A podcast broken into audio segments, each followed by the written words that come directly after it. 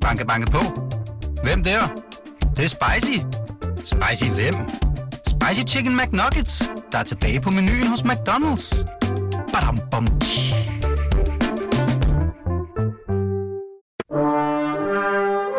Du lytter til Radio 24 Den originale teleradio. Velkommen til Flaskens Ånd med Poul Pilgaard Jonsen. Efter en god måneds sommertogt, kan man vel kalde det, til Fyn og omliggende øer, så er Flaskensund vendt tilbage her til Karnappen, midt på Frederiksberg. Og alting er øh, sådan set, som der plejer, her i, øh, i hjørnestuen. Inklusiv en øh, flaske vin på bordet, som gudskelov, kan jeg se på ydersiden her, øh, er meget kold, og det er godt, fordi øh, selvom den værste hedebølge er forbi, så, så er det altså stadig varmt herinde. Jeg ved ikke, hvordan du har det, Jule Badura. Jeg har det meget varmt. Det er Har du en lummer dag i dag, synes jeg. Ja, det er det. Det var godt, at du bestilte øh, Riesling. Ja, og den ser nemlig kold ud. Det er meget dejligt. Meget kold. Hvorfor skulle det egentlig være Riesling? Øhm, du må ikke spørge mig, hvorfor. Det er bare blevet en vane. Men når jeg bestiller vin, hvis jeg er ude og, og drikke vin, så er det altid risling, jeg spørger efter. Fordi Mm. jeg har aldrig øhm, fået en risling, jeg ikke kunne lide. Okay. Derfor. Jamen, det er da, Og det, er, jeg- det er da et fornuftigt valg, kan man sige, ikke? Jo, jeg er et vanemenneske, så øhm, jeg plejer at holde fast i de ting, jeg synes fungerer. Ja. Men altså, mens øh, verden her, Paul Pilgaard, på den her side af bordet, tager proppen af for at skænke til dig, Julie Badura, så kunne jeg jo lige fortælle lytterne om, hvem du er. Mm. Du er her jo først og fremmest, han har sagt. Bortset fra, at du sikkert er et godt selskab, fordi... Åh, jeg kan ikke rykke den her. Jeg ryk... Altså faktisk, øh, så tog jeg proppen af, lige inden vi startede, for at smage, for at være sikker på, at den ikke havde prop vinen, Ja. ikke? Så jeg smager lige på den, ikke? Jo. Og sætter proppen tilbage. Og nu kan du ikke få den op. Nej, det er måske, fordi mine fingre er helt svedige. Hov, oh, nu lykkes det. Så. Du er øh, forfatter. Ja, det er. Debuteret for godt et år siden, ikke? Jo, Med en bog, som hed øh, de dage med dig. De dage med dig. Og nu udgiver du faktisk en ny den øh, 20. september. Ja, Jeg hedder Jeg elsker dig om 15 år. yes. Og altså bare på titlerne kan man måske få et indtryk af, hvilket emne, der interesserer dig. som så mange andre. Nemlig kærligheden. Ja. Så det bliver det, vi kommer til at snakke om i dag. Ej, Forestiller dejligt. jeg mig. Det interesserer nemlig også mig, skal jeg sige dig. Ja, hyggeligt. Skål, og tak fordi du ville Skål. komme. Tak for invitationen.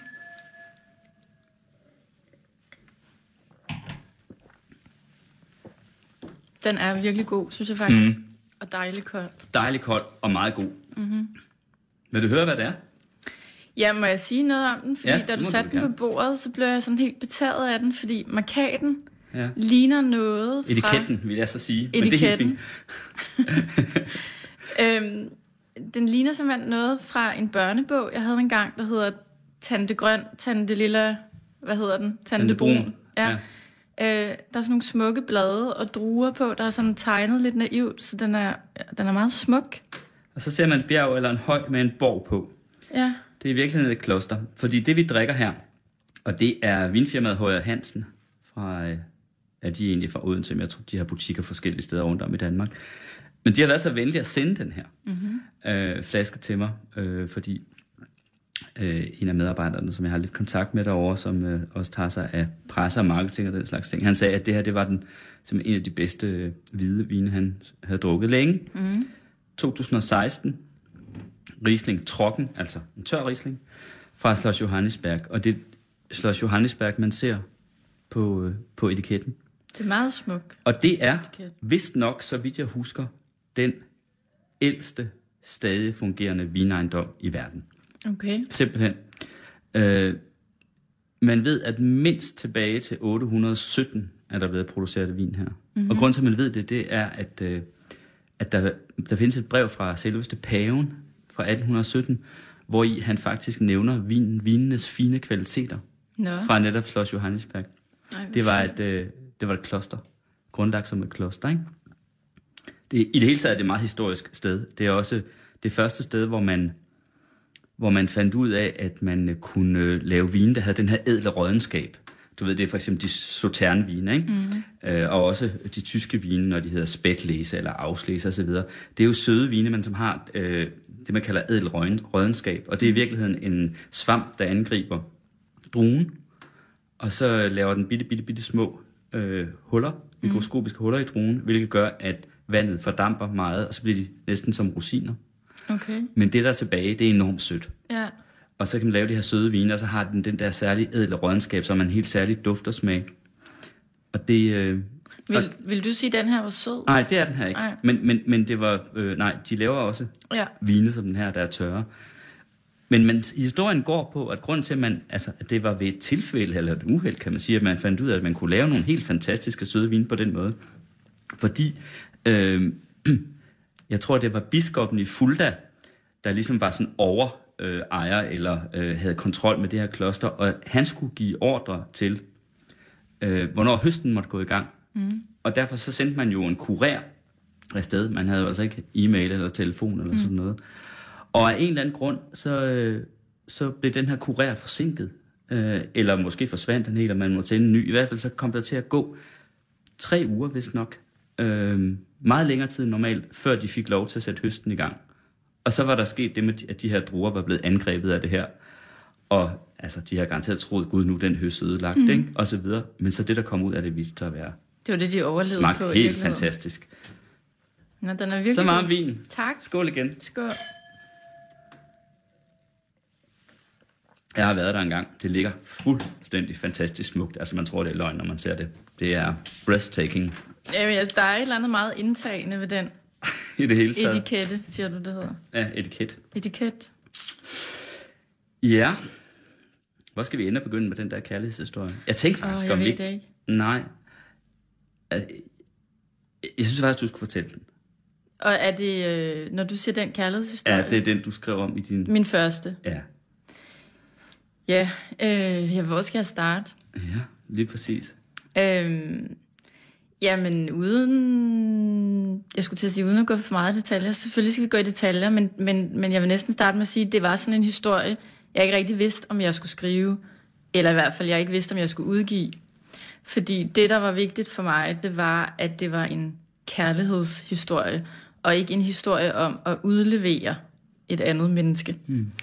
Øh, En voldsom kærlighedshistorie, en voldsom kærlighedshistorie, ja. som kan man godt sige. Ja, som jeg tænker mange mennesker i, øh, på et eller andet tidspunkt i deres liv oplever at, at være i et, noget voldsomt.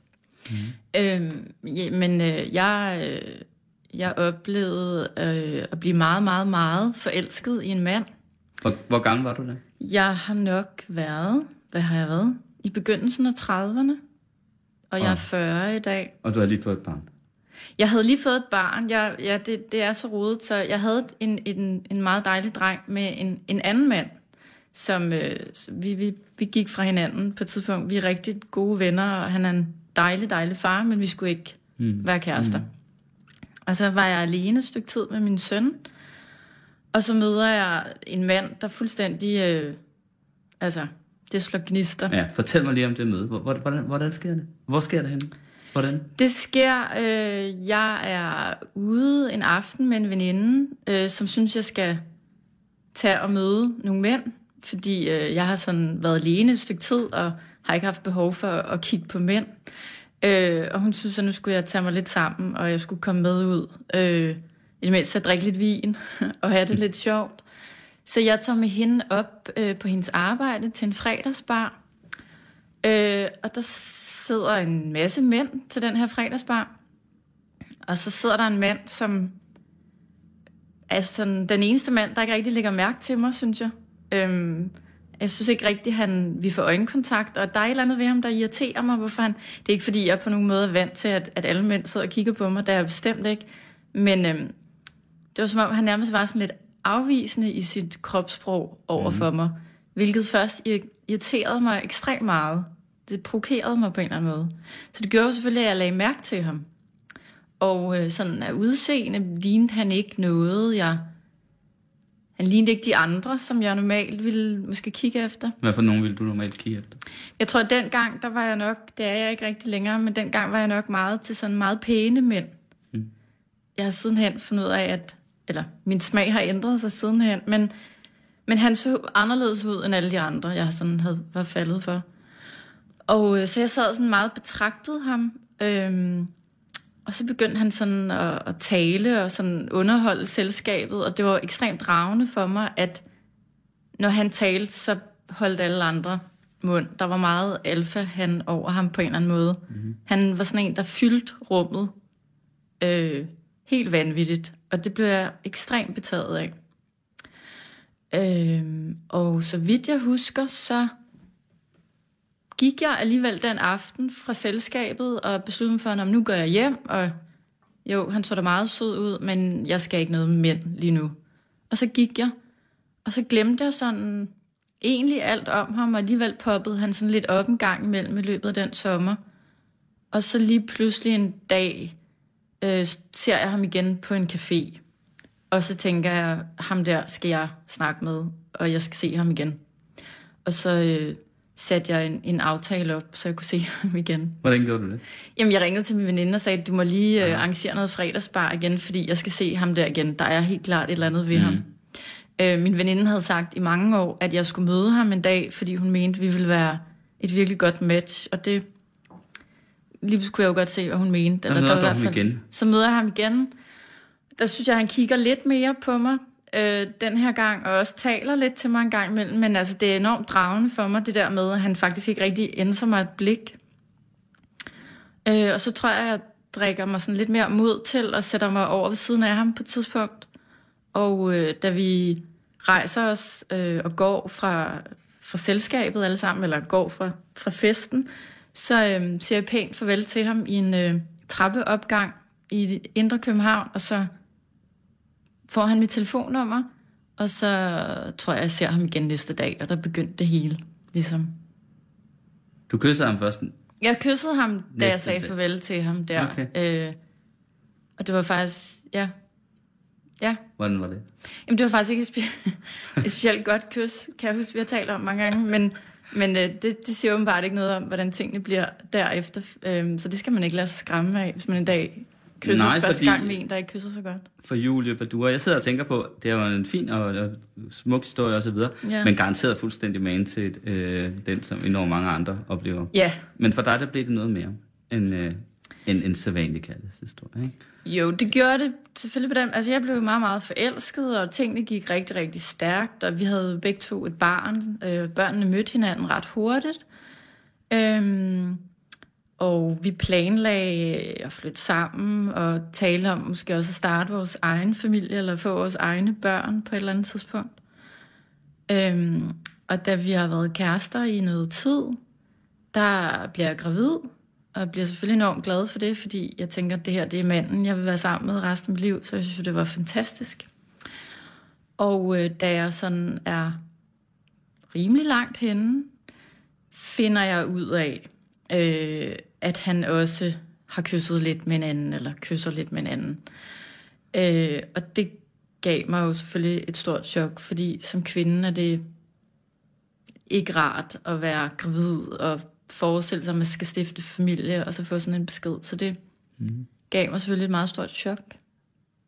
Måske et meget godt sted i historien lige at tage en tage opstrammer her. Lad os skal gøre det. Ja, skål. Mm. Han så en anden også. Ja, og jeg vil mm. sige, lige den del har jeg aldrig... Øhm, de gange, jeg er blevet interviewet, er jeg altid blevet spurgt meget ind til den del, mm. og jeg har altid svaret, når jeg er blevet spurgt, at lige præcis detaljerne omkring den del har jeg ikke haft lyst til at tale om. Fordi at det, der blev essentielt for mig omkring den historie, som jeg så har skrevet, det var ikke så meget det, han gjorde mod mig. Øhm, jeg tror, vi alle sammen, eller mange har prøvet at have en kæreste, der måske på et eller andet tidspunkt var utro. Mm. For mig blev det interessant, hvad det gjorde ved mig, og også hvorfor jeg egentlig var endt der. Øh, og det var egentlig bare starten på nogle øh, begivenheder i mit liv, som på mange måder har ændret mit liv og gjort, at jeg er et andet sted i dag. Øh, ikke mindst øh, karrieremæssigt. Så det sparkede nogle ting altså, i gang. Altså du blev forfatter i stedet for jeg blev tekstforfatter, forfatter. som du ja, var det gjorde jeg. Ja. ja. Øhm, der, det, det satte en lavine af alt muligt i gang, øh, som gjorde, at jeg var igennem en masse følelser og en masse forskellige oplevelser. Øhm, og som gjorde, øh, jeg kan i hvert fald sige, at hvis ikke det var sket, hvis ikke alle de her oplevelser, jeg ved ikke, hvor mange af dem vi skal ind på i dag, hvis ikke de var sket, og jeg ikke havde skrevet om det, så tror jeg heller ikke, eller jeg havde ikke været forfatter i dag, og jeg er meget taknemmelig for det mm. arbejdsliv, jeg har nu. Jeg tror, vi bliver nødt til at, hvad skal man sige, lige få øh, selve historien afsluttet, mm. før vi begynder at snakke om, hvad skal man sige, de der mere indre og psykologiske ting mm-hmm. i den. Altså, hvordan, øh, sådan helt formelt set, hvordan ender så din kærlighedshistorie der? Den ender med, at jeg øh, meget hovedkult vælger at få en abort. Øh, som sagt var jeg ret langt henne, så det var egentlig en, en sådan ret stor beslutning at, at tage lige nå og at, at få den, inden det var for sent, øh, den abort. Øhm, og altså sådan, da jeg vågner op på hospitalet efter den oplevelse, kan jeg bare mærke, at altså, der rammer jeg ligesom bunden. Øh, og øh, vi har mange snakke og møder og øh, ja, rendezvouser mange gange siden hen, altså efter den oplevelse, men det er jo klart, at selve kærlighedsforholdet slutter der. Det er svært at, øh, at skabe tillid igen efter sådan en oplevelse. Mm. Så efter noget frem og tilbage, og nogle snakke, og noget, nogle masser af tårer, øh, så slutter det der.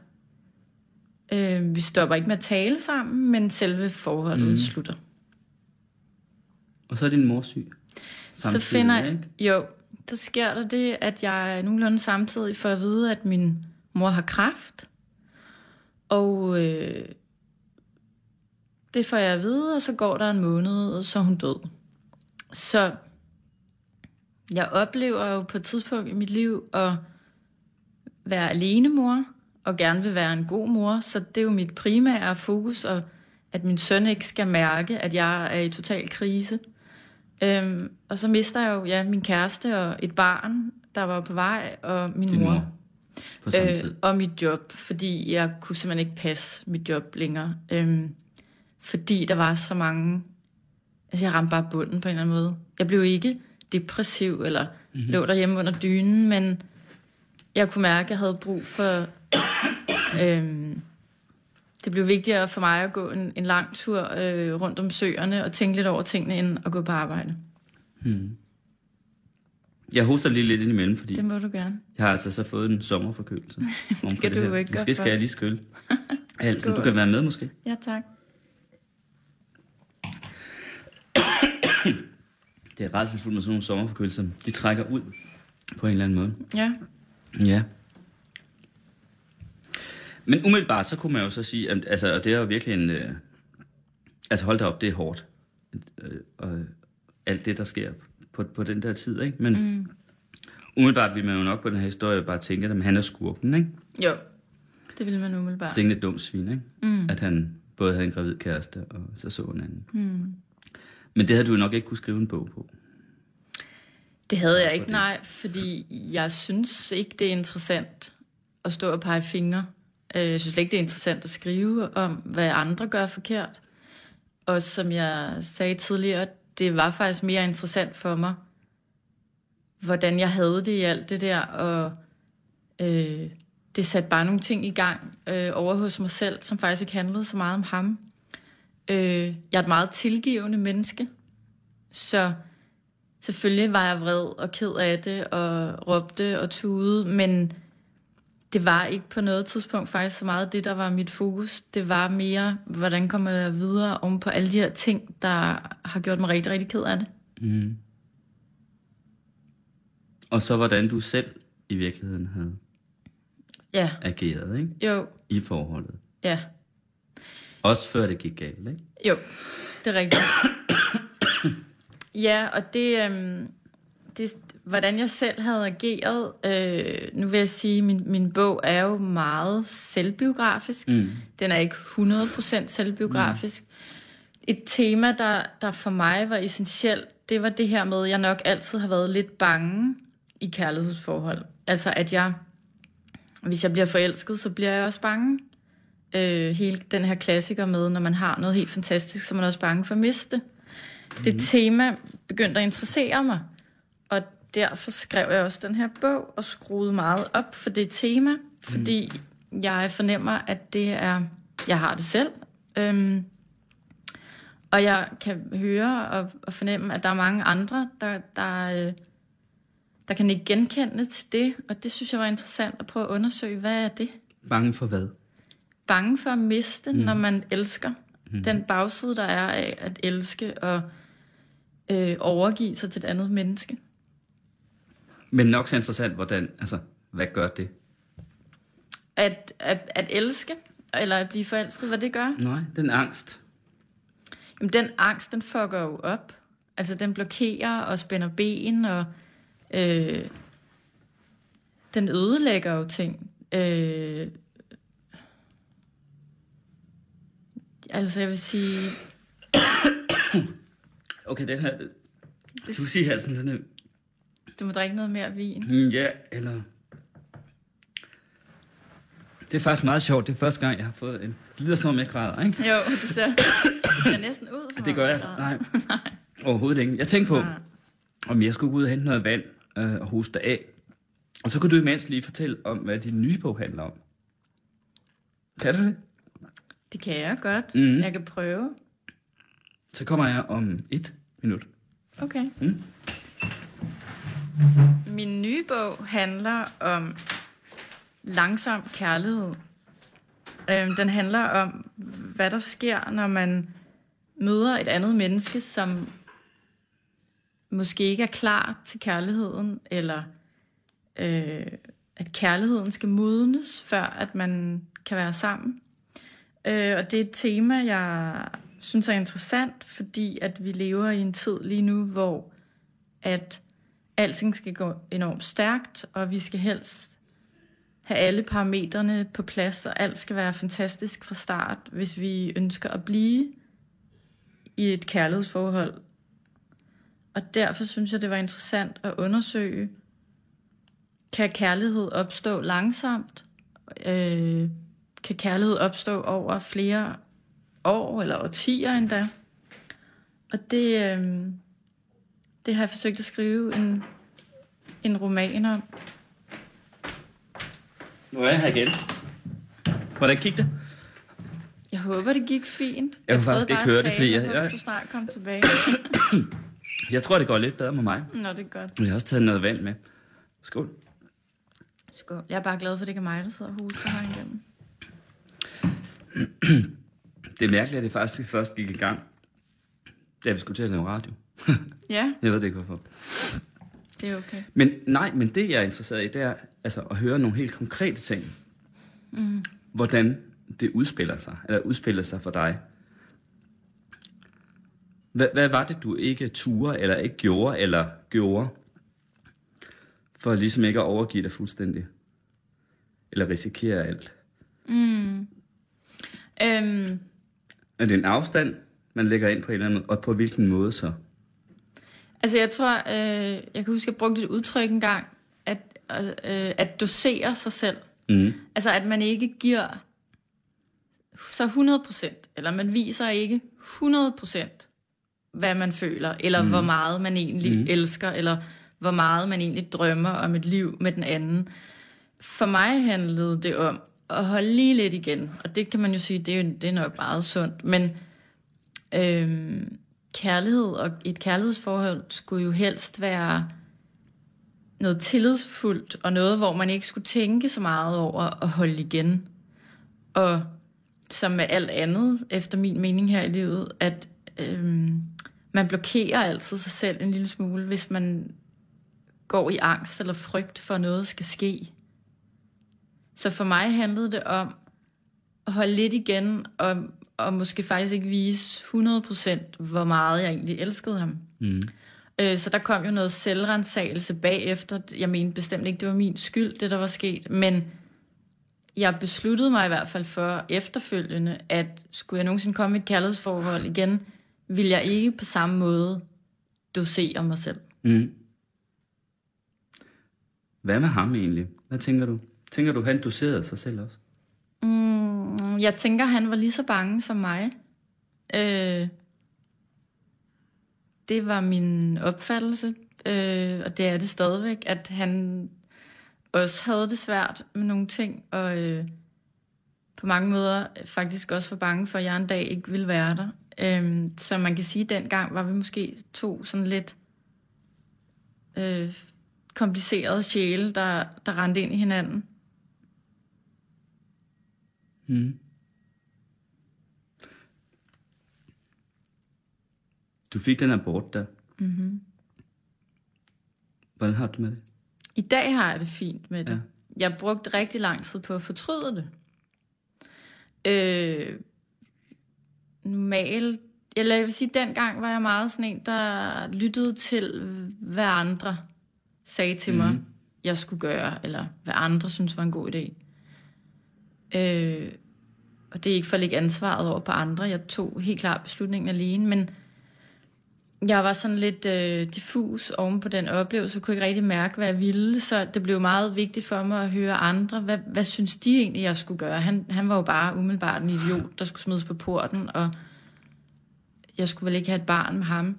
Men så gik jeg ind i sådan en meget, meget, meget lang fortrydelsesfase efterfølgende, som kickstartede noget nyt for mig, øh, som var, at jeg kunne mærke, at jeg skal fremadrettet blive bedre til at lytte til, hvad jeg selv synes, og hvad jeg selv føler, øh, når det gælder de store beslutninger.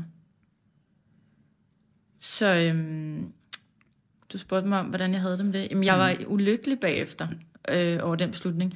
Jeg, jeg tror lidt, det er sådan en kvindeting. Altså, det er ikke nemt for de fleste kvinder at få en abort. Men hvordan er du ulykkelig? Græder du, eller går du ind i dig selv, eller går du tur rundt om søerne, eller Jeg går mange ture. ligger du i sengen dagen lang? Nej, det gør jeg ikke. Jeg går ture, og jeg lytter til musik, og jeg taler meget med de mennesker, der er tæt på mig. Og det er sådan, jeg kommer igennem sådan nogle ting. Mm. Jeg tænker meget. Øh, og i det her tilfælde begyndte jeg jo så at sætte mig ned og skrive, fordi det var en måde for alt det der i kroppen og i hovedet ud på. Det er som det til den bog, der udkom Ja. sidste år. Den udkom for ja, snart halvandet år siden. Mm. Mm. Havde du aldrig tænkt på, at du ville skrive for? Nej, det havde jeg ikke. Jeg har aldrig haft en forfatterdrøm overhovedet. Øh, det, det opstod simpelthen fordi, at jeg, jeg, og jeg oplevede, altså jeg havde, jeg, jeg var ude for alle de her følelsesmæssige, stærke ting, og de farede rundt i kroppen på mig og i mit hoved, og, og, og der var sætninger inde i mit hoved, jeg på en eller anden måde havde brug for at skrive ud. Og for hver gang jeg skrev et kapitel om, om en hændelse, så var det som om, at min krop blev lidt lettere. Og øhm, det var jo enormt intens, det jeg skrev, fordi det var ægte, og det var selvoplevet, og jeg lagde ikke fingre imellem, og jeg gjorde det ikke til fiktion, eller tænkte på, at der var en modtager, der skulle læse det. Øh, og sådan lidt tilfældigt tænkte jeg, det kunne jo egentlig være meget interessant at prøve at sende det her til et forlag, fordi at jeg havde en følelse af, at der ville være andre, der læste det her, og der ville være noget genkendelse for andre, i hvert fald kvinder, i de følelser, jeg gik igennem. Så det kom fra et sted, ikke at jeg havde egentlig brug for at dele min historie. Det havde jeg faktisk slet ikke. Der var mange gange undervejs, da jeg så egentlig havde et forlag, hvor jeg sagde, skal vi ikke, vi dropper det, for jeg har faktisk ikke lyst til at udgive den. Men det var som om, jeg bare satte mig ned og begyndte at skrive, og det, ordene flød ud af mig, og det gav mening, uden jeg vidste rigtigt, hvad jeg skulle bruge det til, før jeg så ja, lidt tilfældigt taler med et forlag. Mm.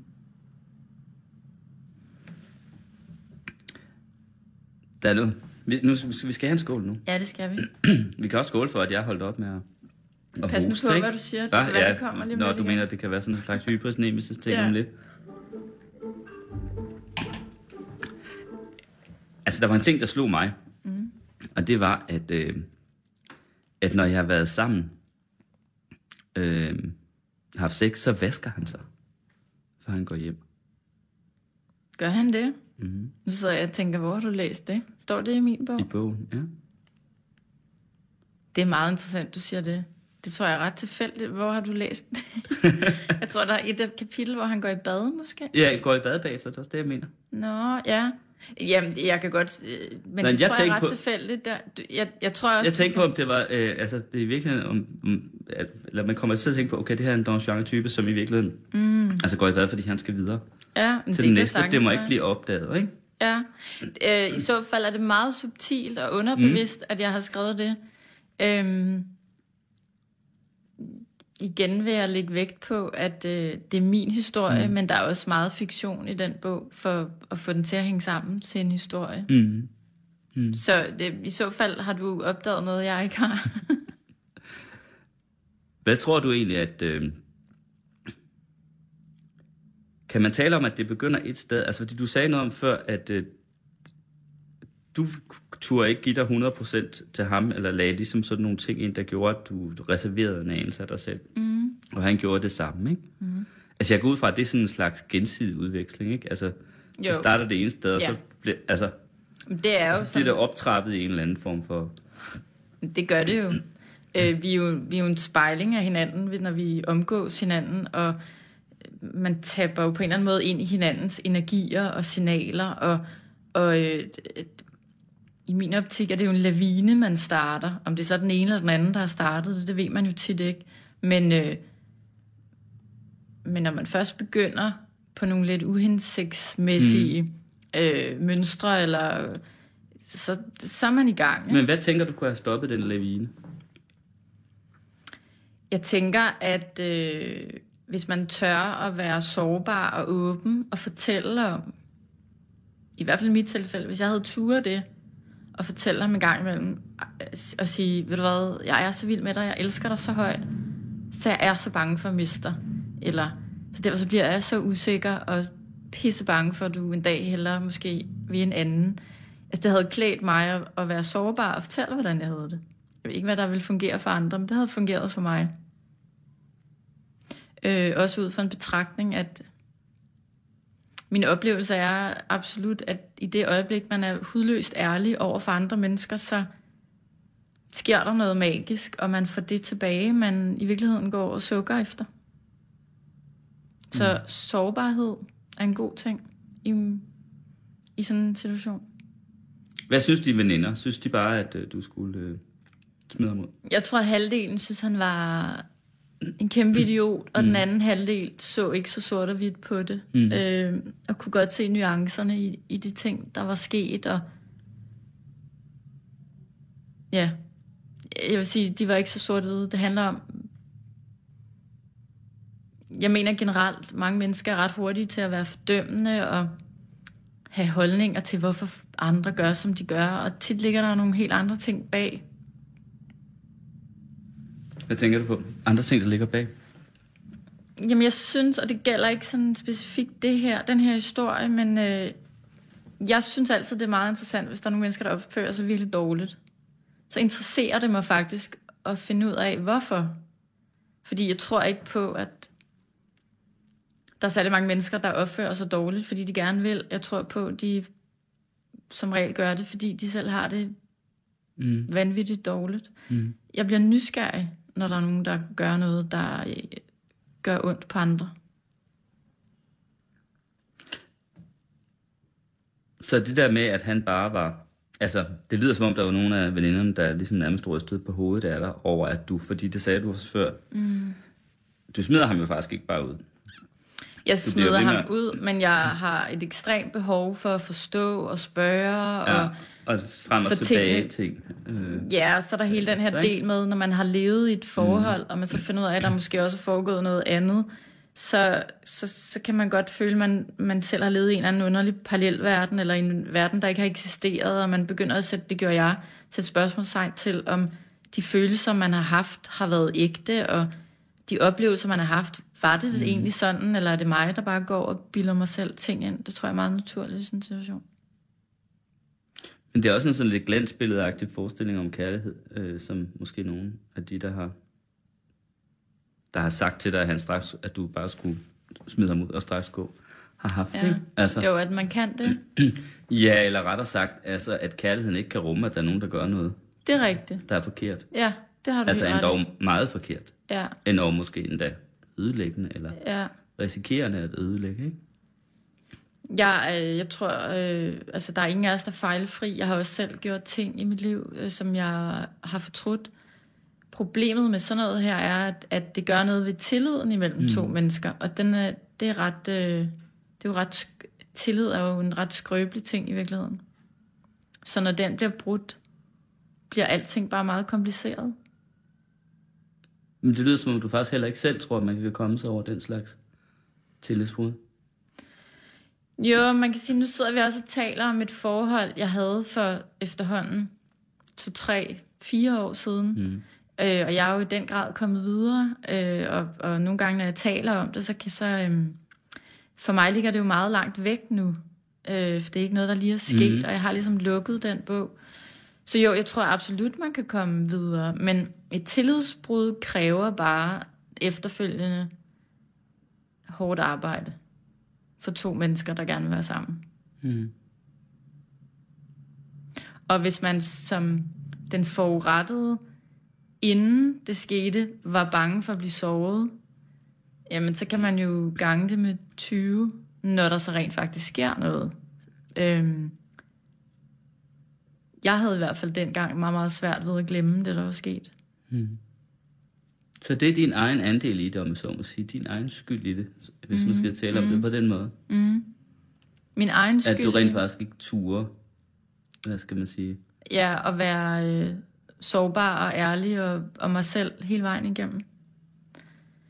Jamen, den er... Og at blive brændt en gang til, måske. Ja, for at blive brændt, og så blev jeg brændt. Mm. Ja, det er jo et meget interessant paradoks, som jeg har tænkt over mange gange siden. Det, det gjorde for mig, nu er jeg som sagt en person, der tænker meget over ting, og hvis der er et eller andet, jeg ikke hvis der er et eller andet, jeg kan mærke, der ikke fungerer, så prøver jeg virkelig at forandre det hos mig selv. Så det, når jeg kigger tilbage, det, det har gjort ved mig, er, at når jeg har været gået ind i kærlighedsforhold siden, har jeg været meget bevidst om at øh, altså være min ærlige version, være mig selv. Fordi er man det, eller har jeg været det fra start, og jeg så er blevet elsket for det, så tør man jo være det hele vejen igennem, ikke?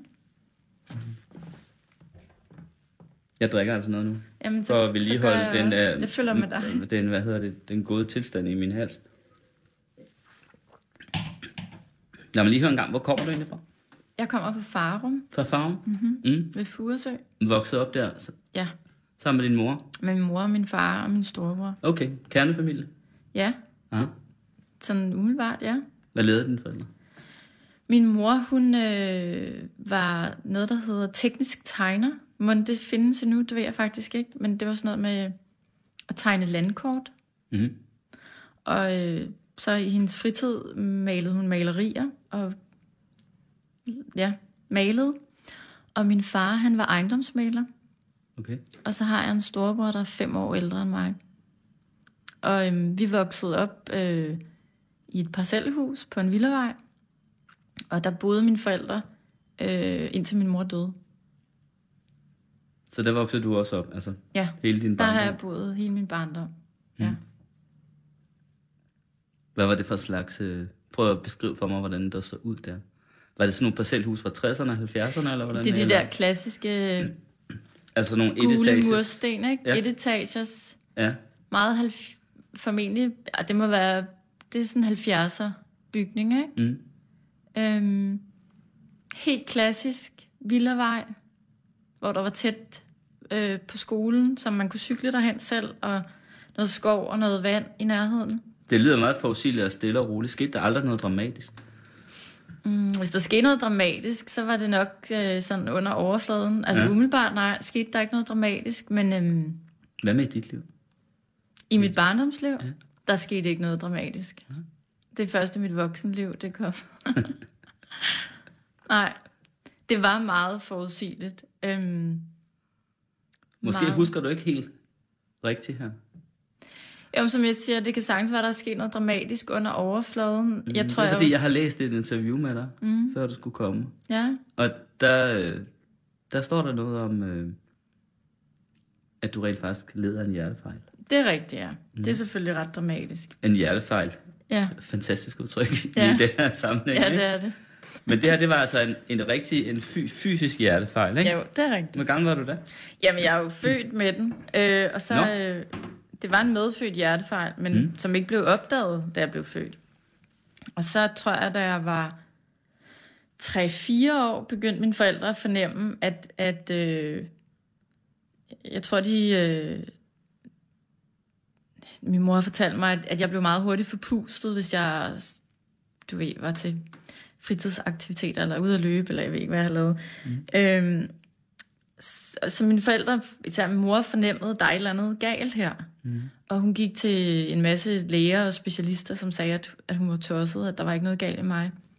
Og så da jeg var fem år cirka, der øh, taler hun som en hjertespecialist, eller en specialist inden for et eller andet, som siger, at jeg havde en hjertefejl, og jeg skulle opereres. Og det blev jeg så. Øh, så hun havde jo ret. Selvom lægerne sagde til hende, at hun var lidt for... Så blev du, øh, så blev du indlagt? Ja, så blev jeg indlagt på Rigshospitalet. Mm. Øh, og jeg kan jo ikke huske så meget. Jeg, jeg kan huske nogle dufte og nogle, eller lugte derindefra, og jeg kan huske rummet, øh, hvor jeg lå og sov, men, men det, det er jo meget uklart for mig. Det, jeg ved om det, det er mest, hvad mine forældre har genfortalt efterfølgende. Hvad var det? Jamen, det var, at, øh, at jeg blev opereret på Rigshospitalet, og at jeg var indlagt et, et stykke tid efter. Og øh, at det, øh, jeg kan huske, min mor fortalte mig mange gange, at, at det gjorde ondt på hende, at, at dengang var det kutyme, at forældrene ikke blev og sov øh, på hospitalet. De måtte ikke overnatte der? Nej, de måtte ikke overnatte. Det er i hvert fald, hvad min, hvad min mor mm. har mhm. genfortalt. Jeg tror bestemt, det er anderledes i dag, men mm. det mhm. gjorde man ikke dengang. Mm. Jeg husker, hun fortalte, at jeg øh, sov på en stue ved siden af en sådan lidt ældre kvinde, der også var blevet opereret, og at der, der lå jeg inde på den stue med hende. Øh, og jeg kan meget tydeligt huske, hvordan der lugter inde på den der stue, og så kan jeg huske, at øh, udsigten fra, øh, fra rummet var over til parken. Mm. Idrætsparken. Idrætsparken. Ja, fældeparken. Fældeparken. Ja, og idrætsparken. Ja, og det er det, jeg kan huske. Mm. Og øh, jeg ved ikke, om det har formet mig på nogen måder, men mm, jeg, jeg kan huske det som sådan en mørk, underlig, ubehagelig ting, mm. der sådan sidder i kroppen på mig. Som sådan en uro, når jeg tænker på det. Stadig? Jamen, jeg kan mærke, når jeg snakker om det, at så får jeg sådan lidt øh, hjertebanken, ja. Gør du det? Jamen, det gør jeg, når du spørger ind til det. Jeg kan ikke fortælle dig, hvorfor, men jeg, jeg kan huske, at det på en eller anden måde var voldsomt. Ja, det, er sådan, det, det sidder i kroppen på mig i hvert fald. Hvilke forestillinger har du om, hvad det kunne have gjort ved dig? At blive efterladt der som 3, 4, 5 år. Hvor gammel har du været? 4? Ja, jeg har nok været 5, ikke? Mm. Jamen, jeg tror faktisk først, det er efter, at jeg selv er blevet mor, at jeg har tænkt, hvis jeg efterlod min dreng på 4-5 år på et hospital, og han skulle sove der uden sine forældre i flere nætter, øh, det vil jeg ikke kunne, eller det vil gøre ondt på mig. Fordi jeg forestiller mig, at hvis han vågnede om natten, så ville han savne sin mor eller sin far. Mm. Øhm, jeg tror, det er mere det, øh, hvor jeg tænker, det er alligevel voldsomt at vågne, når man er 4-5 år, og, og kalde på sin... Jeg kan huske, min mor fortalte mig mange gange, at øh, sygeplejerskerne derinde, når hun kom om morgenen, øh, sagde, at hun, Julia vågnede mange gange i nat og spurgte efter jer. Og jeg tror, det er det, der... Efter jeg selv er blevet mor, hvor jeg har tænkt, hvis min søn vågnede og spurgte efter sin mor eller far, og, og vi ikke var der i den alder, det, vil, det tænker jeg, det må gøre ondt på et barn. Det gør i hvert fald ondt på forældre, tænker mm. jeg. Mm. Det gør noget ved trygheden, ikke? Måske gør barnet utrygt. Det tror jeg bestemt. Okay. Jo, jo, jo, absolut. Jeg vil ikke selv gøre det i hvert fald. Jeg vil tro, det er sådan i dag, at forældre får lov til at, jeg ved det ikke, mm. at blive. Mm. Jeg spørger om det også, fordi jeg kan ikke lade være med at tænke på, at øh, det du beskriver der med, at øh, ikke at ture, hvad skal man sige, øh, altså ture stå ved, hvordan du havde det i det der kærlighedsforhold. Mm-hmm. Altså, at du rent faktisk var, var bange for at miste ham, og derfor ligesom holdt, dig, holdt igen og så videre. Ikke bare, hvad skal man sige, var der selv øh, for fuld udblæsning, ikke? Mm. Fordi det, altså, hvorfor du egentlig, hvorfor må du blevet sådan? Mm. Altså, øh, det er jo interessant fordi der er jo nogen, der er anderledes. Mm. Der er sandelig også mange, der er sådan der. Mm. Du er, tror jeg, jeg tror alle, eller langt, rigtig mange kender det, ikke? Mm. Øh, og man kan jo gøre mange, i virkeligheden kan man jo gøre mange ting, øh, altså faktisk ret ødelæggende ting, øh, netop fordi man øh, er usikker på den der kærlighed, eller bliver nødt til at holde den øh, lidt væk, eller måske også at teste den nogle gange et eller andet. Altså mm. jeg synes, jeg selv nogle gange har oplevet det nærmest, at man har ønsket på en eller anden måde at provokere. Altså, mm. øhm, ja, fremprovokere. Ja, eller i hvert fald gøre noget, som, som i virkeligheden kunne ødelægge det. Ikke? Ja. Om det så var for at se, om det alligevel kunne holde på trods af. Så det, kan det, kan, jo, det kan jo være en mulighed, at man faktisk forsøger at ødelægge noget, fordi man ligesom vil teste af. Mm. Hov, altså, mm. man vil sikre sig, det kan faktisk holde. Selvom jeg opfører også selvom jeg opfører mig dårligt. Også selvom et eller andet. Altså, men, men det er jo igen et tegn på en usikkerhed. En grundusikkerhed. Ikke? Ja. Men der findes jo også mennesker, som ligesom bare altså er sig selv for fuld udblæsning, mm. og ikke er bange for den her slags mm. ting overhovedet. Så det er derfor, jeg spørger, om der er ligesom, du kan finde nogle ting i dit liv, din opvækst, i et eller andet sted, som kan være med til at forklare, hvad hedder det, hvorfor du ikke bare har tur være, øh, gå all in, og mm. være helt sikker på, at øh, det, du blev mødt af, var en, hvad hedder det, ubetinget kærlighed. Mm. Jamen, altså, øh, mit umiddelbare svar på det er, jeg har selv lavet koblingen fra det der hospital øh, i min bog. Altså, der har jeg ligesom, øh, jeg ved ikke, øh, om, om det er derfor, men, men i fiktionens verden, i min roman, mm. der beskriver jeg den her lille pige, mm. som oplever den her utryghed øh, i en meget tidlig alder. Mm. Men øh, tror du det, eller er det bare et, hvad skal man nej, sige, litterært det ved jeg greb, ikke. Eller det er litterært, for mig er det et litterært ja. greb. Jeg, mm. jeg har ikke svaret på, øh, hvorfor jeg i det kærlighedsforhold mm. var sådan. Øh, for mig har det været et litterært greb i min bog. Øh, der er et, et, et omdrejningspunkt i bogen, som handler om, nu er det banalt at sige, det handler om, om hjertet, men et eller andet sted gør det. Øh, jeg beskriver min mor i begyndelsen af bogen, som, altså, at ens mor er det her øh, hjerteslag, eller øh, der er hjerterum. Jeg bruger, jeg leger med mm. ordet hjerte rigtig mm. mange gange. Mm. Og, og sideløbende med kærlighedshistorien i min roman, kærlighedshistorien med den her mand, beskriver jeg jo også min kærlighed til min mor, eller hvordan min kærlighed mellem min, min mor og jeg når at, at udvikle sig, eller få en afslutning, inden hun dør. Så i min bog er det et litterært, det er et litterært greb, mm. for ligesom at... Jeg har skrevet en bog om at undersøge kærlighed i forskellige afskygninger og i forskellige faser af vores liv, og forsøgt at tegne nogle, nogle, nogle streger mellem begivenheder. Øh, så øh, altså det er jo det er mig, der har digtet, men det kan da sagtens være det derfor, fordi... Øh, men jeg er også... Det interesserer mig heller ikke rigtigt, hvorfor jeg lige det kærlighedsforhold var sådan. Øh, igen, er jeg ikke i det længere, så det er også sådan... Nej. Men jeg interesserer mig for det alligevel, fordi nu er det jo det, der foreligger, man rent faktisk ja. kan læse. Jeg har tænkt lidt på, altså var det virkelig så voldsom en, øh, hvad skal man sige, oplevelse, da du mødte ham, som øh, du beskriver det? Eller er der også en litterær... Nej, da jeg mødte ham, og forelskelsen, har jeg prøvet mm. så godt jeg kunne at beskrive min bog. Fordi den var voldsom for mig. Det var en forelskelse, jeg ikke havde prøvet før på samme måde. Eller siden? Eller siden? Ja, jeg tror sådan lige en enkelt gang har jeg. siden? Øhm, er jeg blevet virkelig forelsket siden? Ja, det er jeg faktisk. På en mere sund måde. Øhm, men jo, jeg har prøvet det en enkelt gang siden, heldigvis. Så man kan godt blive forelsket øh, hovedkuls. Flere gange? Flere gange, åbenbart, ja. Okay. det er det ikke en skål, hvad? Skål for Skål. det.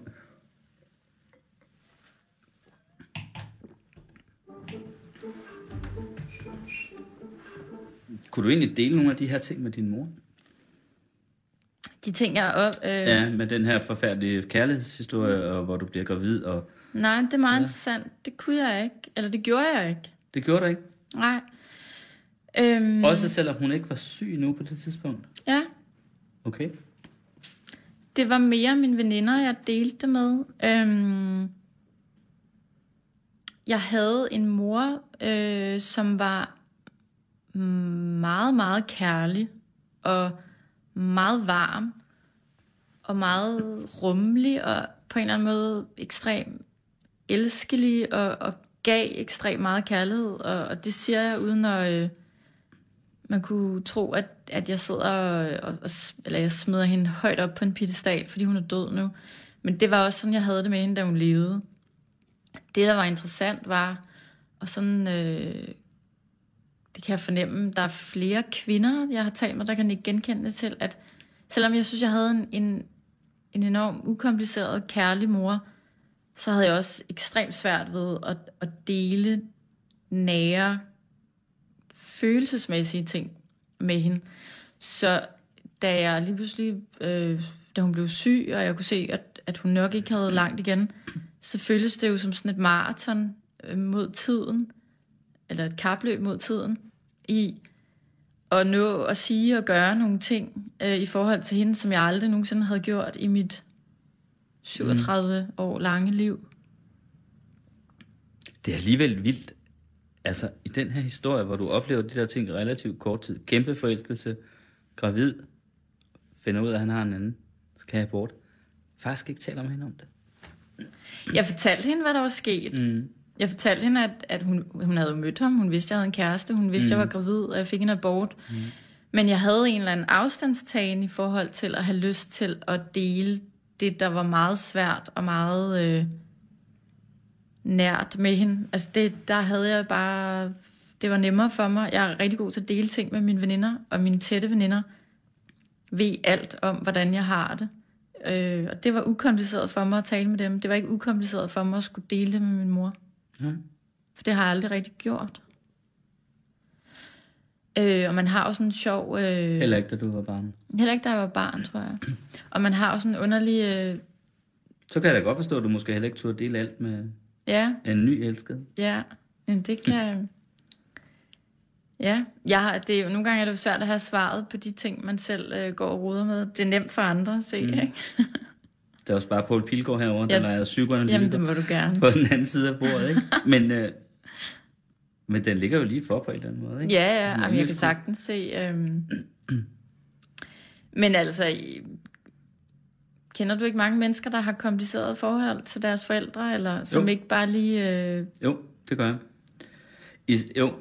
Jeg vil sige, jeg kender flere normalt, af den slags... Det er jo helt normalt at have det, men jeg ja. må også sige, at jeg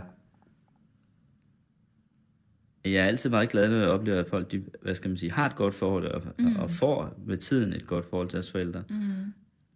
Ligesom jeg selv øh, har fået. Jeg har aldrig haft sådan det store opgør med min familie, men jeg synes, altså med årene, så, så har jeg det et bedre og bedre rare forhold med mine forældre. Jeg er virkelig, mm. virkelig glad for det. Jeg bliver altid lidt øh, sådan...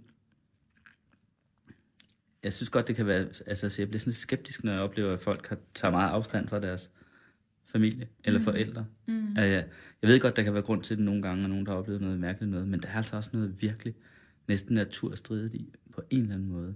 Ikke at... jeg ved det ikke, det står i Bibelen, man skal ære sin far og sin mor. Det synes jeg også, man skal. Jo, men selvfølgelig, jamen, jeg, har, jeg tager ikke afstand til min mor og min far. Jeg, jeg tror bare, jeg i min bog har prøvet at beskrive, at, mm. at der er mange børn-forældreforhold, som ikke er ukompliceret. Og jeg tror også, det er noget med generationer at gøre. Jeg fornemmer den generation, jeg er i, og, og de børn, der vokser op nu generelt. Øh, der kommunikerer man meget med sine børn, og man fortæller dem, man elsker dem, og man mm. øh, i tale sætter ting. Det, det fornemmer jeg, at der var mange familier, der ikke gjorde dengang. dengang og, og endnu mere generationer tilbage. På parcelhusvejen. Forhåbentlig så, øhm, så altså, det fornemmer jeg, at det er noget, der, der har ændret sig med tiden. Mm. Julie Badura. Vi skal til at slutte, fordi det har produceren Nette Birk givet mig håndtegn til. Vi skal nå at skåle en gang til, jeg skal også lige nå noget andet. Mm-hmm. Skål. Skål. Nemlig, jeg har taget et billede af dig her, som jeg kan lægge op på øh, Facebook dagen efter programmet bliver sendt. Det gør jeg altid om søndagen. Så ja. man kan se, hvem det er, der har været, været gæst her i kanappen i flaskens hånd. Og, øh, og det er med flasken? Ja, så skal den her etiket jo nemlig med, som du var meget begejstret for. Jeg synes, den er rigtig fin. Sådan her. Og så øh, skal måske også smil. Det går virkelig godt. Det er Ja. godt. Fantastisk. Og så held og lykke med den nye bog, ikke? Tak skal du have. Godt. Skål. Skål.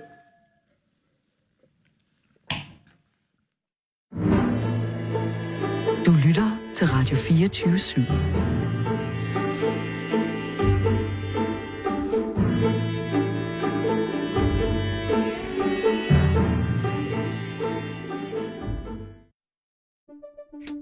Banke, banke på. Hvem der? Det, det er spicy. Spicy hvem? Spicy Chicken McNuggets, der er tilbage på menuen hos McDonald's. Badum, bom, tji.